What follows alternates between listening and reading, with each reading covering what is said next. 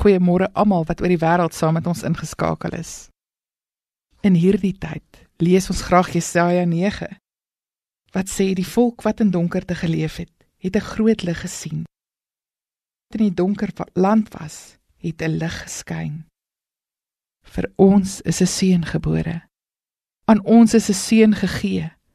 Hy sal heers en hy sal genoem word Wonderbare Raadsman magtige God, ewige Vader, vredevors.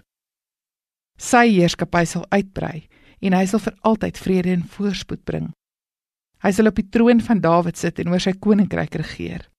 Hy sal die koninkryk vestig en in stand hou, die reg en geregtigheid van nou af en vir altyd.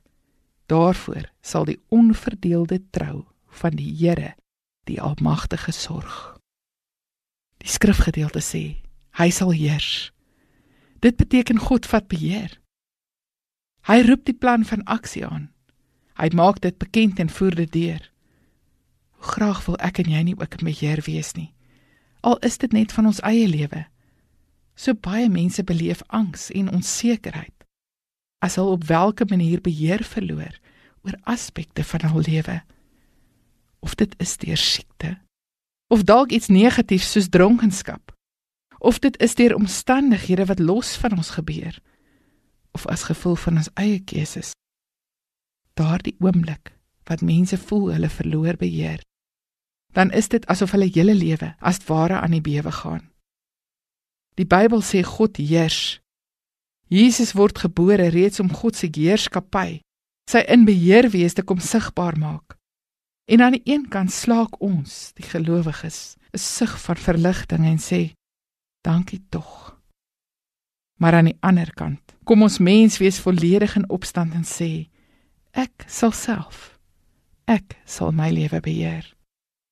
Want sien as ek beheer het, dan het ek mag ook oor ander en dan kan ek my eie agenda volg. Liewe mens wat luister, wie of wat beheer jou lewe? Want sien anders as jy wat jy dalk mag dink, is die lewe op aarde grootliks buite ons beheer.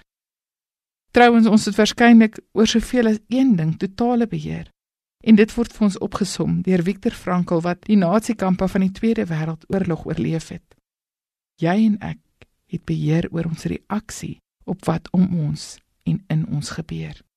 Met ander woorde, ons kan kies hoe ons gaan reageer.